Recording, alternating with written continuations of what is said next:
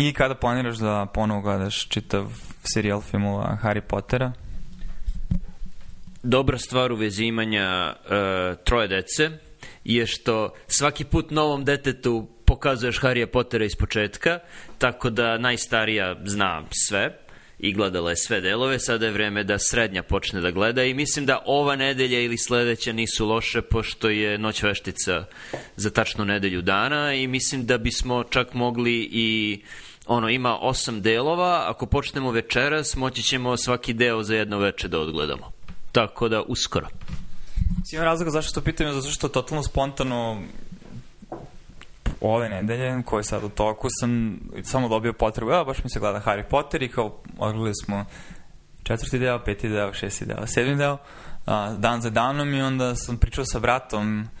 I ja mi rekao, e da, i moji drugari su baš sad ogledali sve i onda shvatiš da je to sve neki kulturo, kulturološki moment, da ne postoji nikakav, konsenz, nikakav pritisak spoljašnji, nego jednostavno postoji konsenzus ljudi da u ovo neko vreme kad zahladni malo,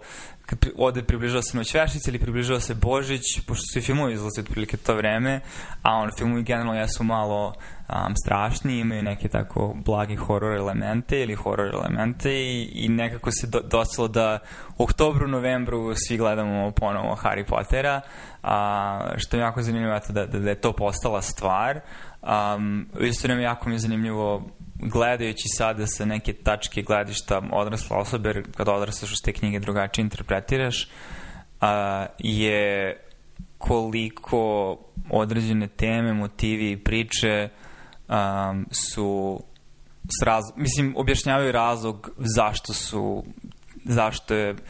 Harry Potter kao takav i čitav serijal knjiga jedna od najpopularnijih, ako ne najpopularnija a, serija knjiga ikada. Uh, Um, imam neke svoje komentare na tu temu, ali ajde, mislim, kako ti doživljavaš Harry Pottera, svet Harry Pottera? Ne, moraš, ne moram da ulaziti u neku pretrnu simboličku analizu, možda i hoćemo, ali šta je za tebe sve to sada s ove tačke gledišta nekoga kao odraslog? Uh, mislim da je serijal prvo nešto što je obeležilo našu generaciju. Mislim da naši roditelji definitivno nisu toliko e, emotivno investirani u celu stvar naša deca zavisi, mislim da, da neće, mislim naša deca će biti, jer ćemo i mi to pokazati, ali mislim da će to biti, posto, postoji jedan generacijski jaz, gde generacija koja je odmah ispod naše, čiji roditelji nisu bili izloženi Harry Potteru, gleda na nas malo starije kao, mislim, koje ste vi budale, zašto vam je ovo zanimljivo. Mislim, mislim da se nije toliko prenalo generacijski, mislim da će, da će preskakati generacije. A, ali mislim da je Harry Potter dobar uvod u psihologiju, etiku i moral za ljude koji ne idu u crkvu. Tako da je to, ono, crkva Harija Pottera. Imaš arhetipe ličnosti koji su biblijski arhetipi, koji su i svojim imenima i izgledom signaliziraju koji su arhetipi, tako da je deci lako da, da provale o čemu se radi. Ima dosta moralnih priča, koje su uklopljene u kulturu uh, legendi i bajki. Tako da je, mislim, ono, redko se dešava da, da neko napravi novi mit i novu mitologiju koji je, e, koji je dobar i za decu, koji mogu i deca da čitaju i koji je toliko široko rasprostranjeni. Sad možeš da daš primer, ok, postoji onaj Lion, the Witch and the Wardrobe, Narnija, na primer, ili to je za ove religiozne ljude, ili za ateiste imaš His Dark Materials, ali oni nisu toliko sve, sveobuhvatni u svojoj mitologiji, oni su u stvari ovi prvi hoće da, da približe hrišćanstvo deci, a His Dark Materials hoće da približi ateizam deci i zla crkve deci, tako da oni nisu samo dovoljne e, mitologije, one postoje samo u odnosu na hrišćansku crkvu. Ali ono što je J.K. Rowling napravila je nešto što je samodovoljno, samostalno e, i što je uvod u, u život za decu. Da, s obzirom da se crkva to uopšte ne spominje Harry Potteru i uh, neki način I jako je zanimljivo zato što je, iako su i, i drugi, drugi um, sadržaj smešteni u fantastične svetove, ovaj svet je toliko fantastičan da je bukvalno svet koji postoji izvan uh, uobičajenog sveta, tako da crkva kao takva neko postoji, ali Hogwarts sa svojom arhitekturom, simbolikom i tekako evocira mnoge stvari. I to je ono što stvarno me zanimljivo kako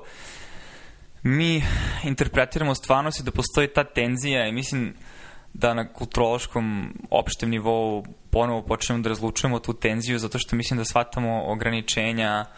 a, nauke i pozitivističkog načina razmišljanja i problema o kojem smo mi pričali ono i pre par godina mi se dotakle par podcasta od toga je da ljudi koji nisu direktno involvirani u, u naučno-istraživački rad um, nauku na neki način u sekularnom društvu stavljaju na pijedestal um, religije. A, problem sa naukom je što nauka je metod kojim interpretiraš stvarnost, ali nije skup aksioma o tome kako treba da se ponašaš kao osoba i šta znači biti dobra osoba i onda je problem kad zameniš ono što jeste sa onim što treba da bude ili kako treba da bude i onda je zanimljivo da, kada u sekularnom društvu formiraš potpuno novu mitologiju, ali opet drago mi što se spomenuo to što se nada da ćemo ići u tom smeru a, koje spomenu, znači arhetipove koji uh, postoje od uvek i šta je to u nama što... Jer jedna stvar je da ti kažeš detetu ne treba da lažeš, ne treba da kradeš, treba da imaš prijatelje, treba da budeš poštena, a druga stvar kada to ispričaš kao priču oko logorske vatre ili kao a, priču koju slušaš u nekoj instituciji ili sada kao priču koju konzumiraš kroz medije, znači tehnologija determiniše koji nivo involviranja imaš u svemu tome ali da su temi iste jesu i postoje nekih par tema kojih možda hoću da se dotaknem, a, a tiču se same priče, mislim da smo svi dovoljno gledali, konzumirali ovo, da neke od tih stvari su um, opšte poznate, ali da, slažem se da je to stvari možda kao neki, mislim i jeste to, znači moderna bajka i zašto su postojale bajke i um, zašto sada prvo kao dete, to je to nešto što ti je jako zanimljivo i, i nešto što ima nečega u tome što te privlači, a onda kao odrasla osoba si fuzonu, da, super, ovo deca gledaju, zato što imaju neke um, crti teme koje mogu da informišu buduća ponašanja koje mogu da dovedu do kako toga da budeš bolji deo društva ili šta god. Naročito je dobro što uh ljudi koji čitaju i sad gledaju filmove odrastaju zajedno sa, sa likovima u knjizi Povlaka filmu i što kompleksnost priča raste sa tim kako oni rastu i kako uh, oni koji čitaju i gledaju rastu. Tako da počinješ od dosta jednostavne bajke u prvom delu, u prvoj knjizi, koja jeste zanimljiva i lepi uvod u svet, uh, ali onda do ono polovine mislim da je četvrti deo je no, kraj trećeg dela i četvrti deo su prekretnica gde stvari više nisu tako jednostavne i gde vidiš da uh, postoje uh, postoji neki nivo moralne ambivalentnosti kod većine likova i ono, do završnice gde, spoiler, shvatiš da Harry sam po sebi nije ništa naročito poseban, da ono što ga čini posebnim je u stvari to što postoji deo zla u njemu. Tako da, tako da mislim, to, to, je, to je ono, zanimljiva poruka koju šalješ deci i dobro je što nije početo sa time, nego postoji gradacija. Da, to, to je jako zanimljiv uh, motiv da se koristi da, ono, da si ono touched by evil, ali opet na neki način to nije posebnost, nego svi mi nosimo to u sebi. Mislim da je to dobra lekcija. Bila to dobra lekcija za um, neke stvari koje su istorijski jesu desile, kao poput totalitarnih režima, gde su ljudi tekako mislili da su dobri, a činili su zlodele i ljudi koji su objektivno decenija par pre samog uz posljednje tih režima bili dobri ljudi, kako su onda postali loši ljudi, postaneš loša osoba tako što se predaš tom zlu, tako što ideš linijom manjeg otpora, tako što uh, I sad, mislim, da, postoji dosta motiva gde ono, postoji moment odluke između toga da li ćeš zabereš da nešto sebično za sebe, ili ćeš u isto vreme da se požrtvuješ za druge ljude, da li ćeš da uzimaš druge ljude u obzir, ili ćeš samo uzimati sebe u obzir i put koji te vodi tome da te to zlo preuzme jeste put koji je put čistog samointeresa, potpune sebičnosti a, i na neki način put i laži. I ajde sad da se dotaknemo nekih motiva, pa mislim koliko god ovo je trajalo, ali jedan koji je meni bio zanimljiv, svakako smo gledali filmove ono što se kaže back to back, a, je to, mislim prvo ono, koliko ti jasno da je Sim, mislim, Harry arhetip, sličan arhetipu Isusa Krista, mislim od toga da od svih likova u, u, u knjizi je lik koji najviše trpi fizičke torture. Znaš, kad sam gledao, mislim, kad se čitaš ono um, e, deo sa to je peti deo, tako, kada Dolores, Dolores da, znači Dolores Umbridge kada on, on urezuje I will not tell lies i ti imaš ono, neću da govorim laže, mu se urezuje na ruku, bukvalno fizički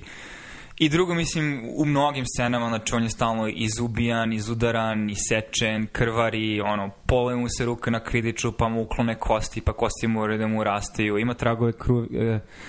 kruno, eh, kruno trnja na svom čelu koje krvari taj oželje koji nosi a, do samog kraja gde ono bukvalno mora da a, se žrtvuje i da umre da bi ponovo mogao da bude vaskrsao zarad dobrobita a, čitavog sveta i poruka toga je da a, treba da daš sebe svetu i ljudima i da ne budeš sebičan ali ona druga stvar koju shvatam koji moment postane malo komičan motiv. U stvari napravi, napravi komentar na ovo, pa možda ćemo imati komentar na još jednu stvar. Jedini komentar koji ću napraviti je što stvarno ne mislim da i on predstavlja direktnu paralelu Isusu Hristu, već da i jedan i drugi uh, predstavljaju jedan isti arhetip. Tako da mislim kad J.K. Rowling pisala i kad mislim da i nije ono, Hrist i hrišćanstvo nisu i bili na, na, na umu. Uh, Mislim, ako znaš situaciju koju je pisala Saturday, definitivno, definitivno to nije bilo na umu, ali da jedna i druga priča uh, imaju ispod sebe taj isti arhetip o kojem si ti govorio. S tim što, za razliku od lika Hrista, koji je apsolutno bezgrešan i čak i bezgrešno začet, glavna razlika koju Harry Potter ima je što je on u, u sebi sadrži deo, deo arhetipa zla. No. Um, još jedna stvar um, koja mi onako koja provejava kao, kao motiv kroz sve kao tema je uh,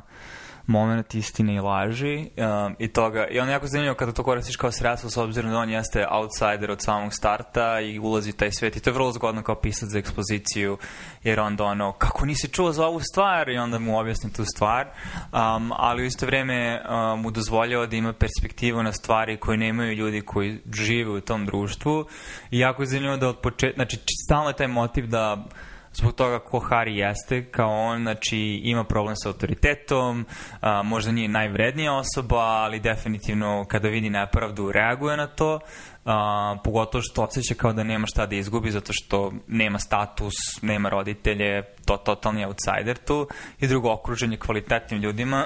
nema pritiske društvene tog tipa koji isto nisu negde ono, elite ili šta god u tom njihovom društvu koje mora da se ponaša po nekim novim a, pravilima koji ih održava veštački u tom statusu elite ali uvek na početku i, i onda je zanimljivo da što jednom trenutku postane komično zato što ono kao posle 4-5 godina kao valjda shvatite da ova deca kada vide nešto govore istinu i da treba da ih saslušate ili možda čak to u stvari svedoči tome koliko su ljudi slepi kod očiju i ne žele da vide ono što treba da vide to je korumpiranost i iskvarenost e, društva u srži, ali on, znači od prvog dela gde on vidi, ono, znači od onog trola, pa posle do dvorane tajni, pa posle, znači, do toga da se Voldemort vraća u četvrtom delu gde mu niko ne veruje. Zato mi peti deo zanimljiv s tog momenta da imaš čitavu propagandu i mašineriju propagande i tog parazitskog odnosa između medija i države u ovom kontekstu ministarstva magije i Daily Prophet i čega već, gde ono jedina osoba koja vidi i zna šta se dešava i koja na neki način je rešenje, či, deo rešenja čitavog problema je potpunosti um, razločena kroz medije zato što niko ne želi da čuje tu ružnu istinu, a to je da je zlo tu zato što se dopustili da je tu i još jedan komentar samo koliko je fascinantno prvo što Voldemir i Smrtovi totalno vrlo nesposobni um, na neke načine i sad je opet moment ono, pravila sveta magije i nekad je jako teško kao ako si u toj kući što se oni samo ne pojave u toj kući kao zašto, zašto moraju da čekaju kako su odjednom oni opet sigurni ali druga je pa dobro možda i oni ali ako su oni toliko loši koliko su to kao onda loši ljudi u ministarstvu magije koji su dopustili da ovi ljudi preuzmu sve i koliko su oni nesposobni i opet, ali opet to ti pokazuje zato što ima neki za njih moment kad dođe Ambridgeova, znači ona ne zna magiju, nego ona ih uči da uče sve po PS-u i da uče iz učbenika, da nemaju nikakvu interakciju sa stvarnošću. Mislim da je to jedna od poruka je da treba da živiš život istine i da kad vidiš napravo da kažeš i da pričaš, o tome i u isto vrijeme treba konstantno da interaguješ sa stvarnošću, da ne možeš, a opet tiče se neke tema koje smo se dotakli ranije, to je taj raz birokratije, kada počinješ da se izmešta, izmeštaš od, od stvarnosti i, i izmišljaš hirarhije i odnose, onda ta sama struktura počinje sebe da urušava iznutra i, i najmanja količina zla može da je pretvori u totalitarnu opresiju ili da je potpuno uruši. Zanimljivo je da si već drugi put spomenuo Dolores Umbridge i peti deo. Meni je to apsolutno najbolji vilan u, u svetu Harry Pottera i čak mislim da ima najviše zla u njoj jer je ono sigurno se ne da postoje esej na ovu temu. Banalna zla. Koliko je ona jedan banalni lik, a koliko zla izlazi iz nje zbog stvari koje radi. Uh, mislim da i peti deo je jako dobar za ono, decu u osnovnoj školi e, da vide i da stvore zdrav odnos prema autoritetu e, i da ne poštuju autoritet samo zato što je autoritet, nego da, da, da razmišljaju. I sada, ono, zvučim kao neki pratilac Kiona, ona, ali da e, misle svojom glavom. To je, to je jedna od glavnih poruka tog dela. Kao i to da standardizovani testovi su jedno veliko zlo koje treba iskoreniti. Ali sa druge strane ima i dobrih stvari vezane za standardizovane testove jer omogućavaju uh, potlačenim populacijama koji, koji idu u ono, slabije škole da, da se lakše uporede sa elitnim školama. Tako da za sve, za sve strane imaš argumente. Zato je Snape najbolji uh, profesor odbrane da. mračne vištine koji nikada nije bio. S obzirom da je on primer sinteze nekoga koji ima čvrste kriterijume, ali kriterijume koji imaju smisla i možda zato napiti u stvari jedni od predmeta koji su najviše okrenuti ka tome jer su jedan od najnaučnijih a, delova magije, zato što ono, imaš objektivne sastojke koje možeš da nađeš u prirodi, da ih izmešaš na isplaniran način i da samim tim dovedeš do stvaranja nečeg moćnog uh, i sve to ne moraš da objasniš, a to je magija, ispustiš, razmisliš šta god. A, tako da je naj, najrigidniji, da tako kažem, sistem znanja u, u čitavom tom svetu. Uh, I zato mi je zanimljivo 106. deo sa polkarnim princem gde kada Hari nađe a, njegov dnevnik, to je njegov učbenik, gde ono je Snape sa strane pisao na marginama i to, to, to, to, to, to, to, to, to, to, to, to, to, to, to, to, lupom otvoriš neki rad iz nature-a, imaš metodologiju i onda kreneš da radiš nešto i onda ti postdoc u laboratoriji kaže znam, ali ima kao brži način i bit će ti mnogo bolja ekstrakcija, samo stavi ovo u 37 stepeni na 5 sekundi i, i mnogo ćeš više nanograma DNK da ekstrahuješ, bez obzira što to piše ovako ovde, postoje i ono, ništa nije skroz po PS-u, moraš da nađeš sam kroz eksperimentisanje a, način da dođeš do optimalnog ishoda.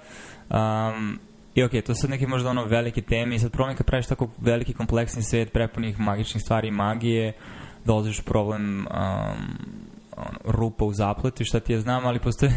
neka pitanja koja ja sam sebi postavljam, uh, a tiče se, i naravno, Ministarstvo magije je smešno, oni su opet to, banalni, nosioci banalnosti zla, koji je naj, naj, naj, naj, najbolji primjer toga i otelotvorenje toga je Dolores Umbridge, koja na kraju se potpunosti uh, ima afiliaciju sa smrtožderima i uživa u tome da, da muči druge ljude i to je po, poenta u svemu tome. I mislim poenta u svemu tome kada interpretiramo ono što se dešava sada u društvu i neću koristiti konkretne primere, ali ljudi koji uh, se pozivaju uh, na um, dobre namere i, i ideju ka boljem i egalitarnijem društvu, a u isto vreme u pozadini jezik kojim se služi i način na koji se odnose prema drugim ljudima uh, na neki način ih otkriva koje su, koje su njihove potencijalne skrivene ili manje skrivene namere. A, tako Dolores da Umbridge ono, u potpunosti ima tu a, masku autoriteta koje opravdava sve te postupke, a u stvari iza toga stoji jedan nenormalan sadizam i, i želja da a, naudi drugim ljudima. Ali jedna stvar koja je imam kritiku prema Dumbledoreu kao tako, mi ne znam kako bi te lik mogu drugačije da bude napisan nije mi jasno zašto ljudi idu na Hogwarts svake godine kada stvari idu sve gore i gore. I sad ili su čarobnjaci najgluplji ljudi ikada. Ili ono su, su toliko čvrsti da ono, mislim, ovde se desi COVID, pa ti zatvoriš škole, ali ovde Voldemort hara već tri godine i deci i dalje idu u školu, iako postoji šansa, i čak i posle Dumbledoreve smrti, koji skida tu čin sa Hogwartsa, da Hogwarts više nije tako lako um, mislim nije lako ući u njega, um, nije mi jasno, mislim znam, zanimljive lokacije i glupo bi bilo da se stvari ne dešavaju tu i sve manje se dešavaju tu, ali mi je zanimljivo da čak čim smo gledali sedmi deo i ono kao školska godina i dalje počinje, mislim kao ti si u sred rata, da li me zezaš, kao šalješ maloletnu decu da idu u školu, kao zašto? Ali, zar nisu škole u Engleskoj radile za vreme drugog svjetskog rata i za vreme Blitzkriga? Znači, postoji presedan za to, to je pod jedan, pod dva, to pokazuje prednosti monopola, jer ja prilično siguran da je Hogwarts jedina škola za čarobnjake, ne u Engleskoj, u stvari vjerojatno u Engleskoj. Da, i e, Durmstrang nije u... Da, ima van engleske, ali u, ako si u engleskoj mali čarobnjak, samo tamo možeš da ideš, nema učenja od kuće, nezavisne nastave i to je jedino mesto gde možeš pre nego što postaneš punoletan da se baviš magijom. Tako da, da to pokazuje loše stvari vezane za centralnu upravu i centralizaciju visokog obrazovanja. A, dobro, to čak nije ni visoko, to je ono osnovno i srednje u Hogwartsu. Slažem se. Uh, I onda, naročito nakon posljednjeg dela, kad shvatiš da je, ti misliš da je Snape kao, hm, da li je dobar, da li je zao, kako se ponaša i vidiš da je on suštinski dobar sa nekim malo mračnim got crtama. Dumbledore je jako zao lik na kraju, on, on je negativac, on sve vreme uzgaja Harija kao žrtveno jare, jer zna kako će se stvari završiti, zna šta će se desiti i on je zlatno dete i toliko vode računa o njemu, ne zato što brinu za njegovu dobrobit, već zato što znaju da je on ključ da, da unište Voldemorta. I kad, kad znaš to, ceo serijal treba, treba ponovo prvi deo da gledamo. Obično preskočimo prva dva dela jer je Chris Columbus režirao previše je dečije. A, ali treba, interesuje me sa tim znanjem ako gledaš prvi i drugi deo, da, kako to boji celu priču boji svakako na način na ono, očigledne manipulacije i skrivanja i sad ta manipulacija s jedne strane kao opravdana zato što ne želiš da staviš toliki pritisak na dete i truji se postupeno ali isto vreme shvatiš da ono što oni rade je da od Harija prave oružje. I onda je to jako jezivo kad shvatiš da jedno maletno dete uh, manje ili više svesno dopuštaš da ulazi u opasne situacije, opasne po život, da bi a, na kraju postalo ultimativno oružje protiv zla, jer kao bolje razloga nemaš. Mislim, znači, očigledno nisu mogli da investiraju svi čarobnjaci, da li možda ta zla magija je bila toliko moćna, ali da je to, da je to jedina stvar, i onda kad shvatiš koliko ono... I onda ti je žao Harija, koji je pogotovo u š, uh, petom delu gde Dumbledore stalno beži od njega i kao skriva zbog proročanstva i šta ti ja znam, a u isto vreme shvatiš da ono,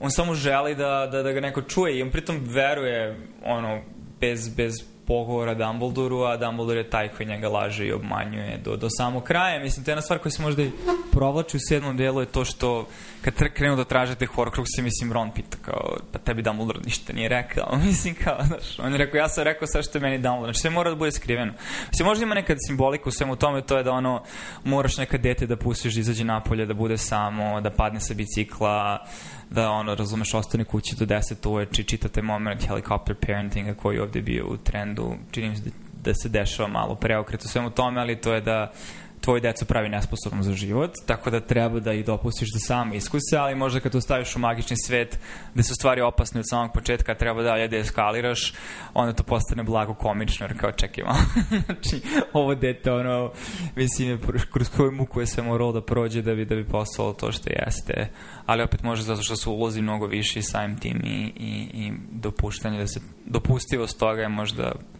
opravdanje, ali da, Dumbledore definitivno na, na, na ono više čitanja, pogotovo za aspekta odrasla osoba, mislim da je to druga stvar. Kad čitaš kao dete, to ne vidiš toliko, znaš, kad se čita knjige, ali onda gledaš kao odrasli, pošto ona Harija gledaš kao na dete i kako bi se ti odnosio prema svemu tom, ti si uh, pa ne znam da li je baš kako bih ja pristupio celom ovom problemu. Ali ono što isto dobro što ima, što ima i primjera onih dobrih, normalnih, odraslih osoba koji mogu da služe kao uzor, na primjer, Vizlijevi roditelji ili cela porodica Vizlijevih koji su najnormalniji likovi ako su najmanje bliski normalcima, pod navodnicima, maglsima. Kako su preveli magls na, na normalci, da. Tako da, da, da i, i, i to je lep primjer i toga se uvek sećam i trudimo se da strukturno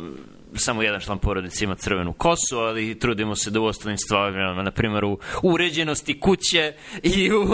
rasporedu vremena podražavamo Bizlijeve. Nadam se da će nam kuće završiti bolje od, od njihove, nažalost. Um. Ne, ne znam, to, eto, to su samo neki nasumični utisi koji su a, meni opali na pamet, ništa drugo mi a, previše ne izlazila i taj na kraju moment toga da god je Harry krenuo nešto da radi na svoju ruku i taj osjećaj ono krivice preživljavanja i šta ti ja znam pravi put je uvek bio da sa prijateljima um, se stvari lakše proživljavaju i da ne možeš sve sam.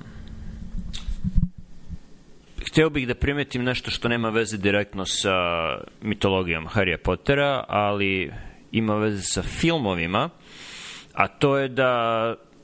su oni izašli u vreme kad sam bio, čini se, prvi ili drugi razred srednje škole, u isto vreme kad i prvi deo gospodara Prstenova. Ne znam da li su izašli baš iste godine ili u roku dve godine su izašli pam pam jedni i drugi. I da mi se tada činilo da je Harry Potter, mislim, ja sam čit, pročitao, u stvari ne, tada još nisam pročitao ni jednu knjigu, u stvari. Knjigu sam prvi put pročitao u trećem razredu srednje. Tada su, do tada su izašla, mislim, tri ili četiri dela. I nisam i gledao sam na to tada kao na nešto deti nešto što će vrlo brzo ostariti, a gospodar prstenova, koga sam do tada čitao, je bio haha. Mislim, sada mi ne pada na pamet da ponovo puštam te filmove i drago mi je što će se ponovo snimati serija Gospodara prstenova da malo bolje uradi celu priču, jer su iskasapili velike delove. Mislim, Tom Bombadila nema u filmovima, za Boga. A, dok je Harry Potter jako dobro ostario, Uh, osim prva dva dela, opet Chris Columbus, šta da se radi. Tako, mislim, to, to, to mi je jako zanimljivo. Kad bih sebi od pre 20 godina rekao, e, gledat ćeš Harry Pottera, ono, po peti put ove godine, a gospodara prstenova si poslednji put počeo da gledaš pre, ono, 7 godina i odustao si jer, jer je grafika loše ostarila, a priča je bila suviše iskasapljena. Mislim, ko bi rekao? Ko bi rekao?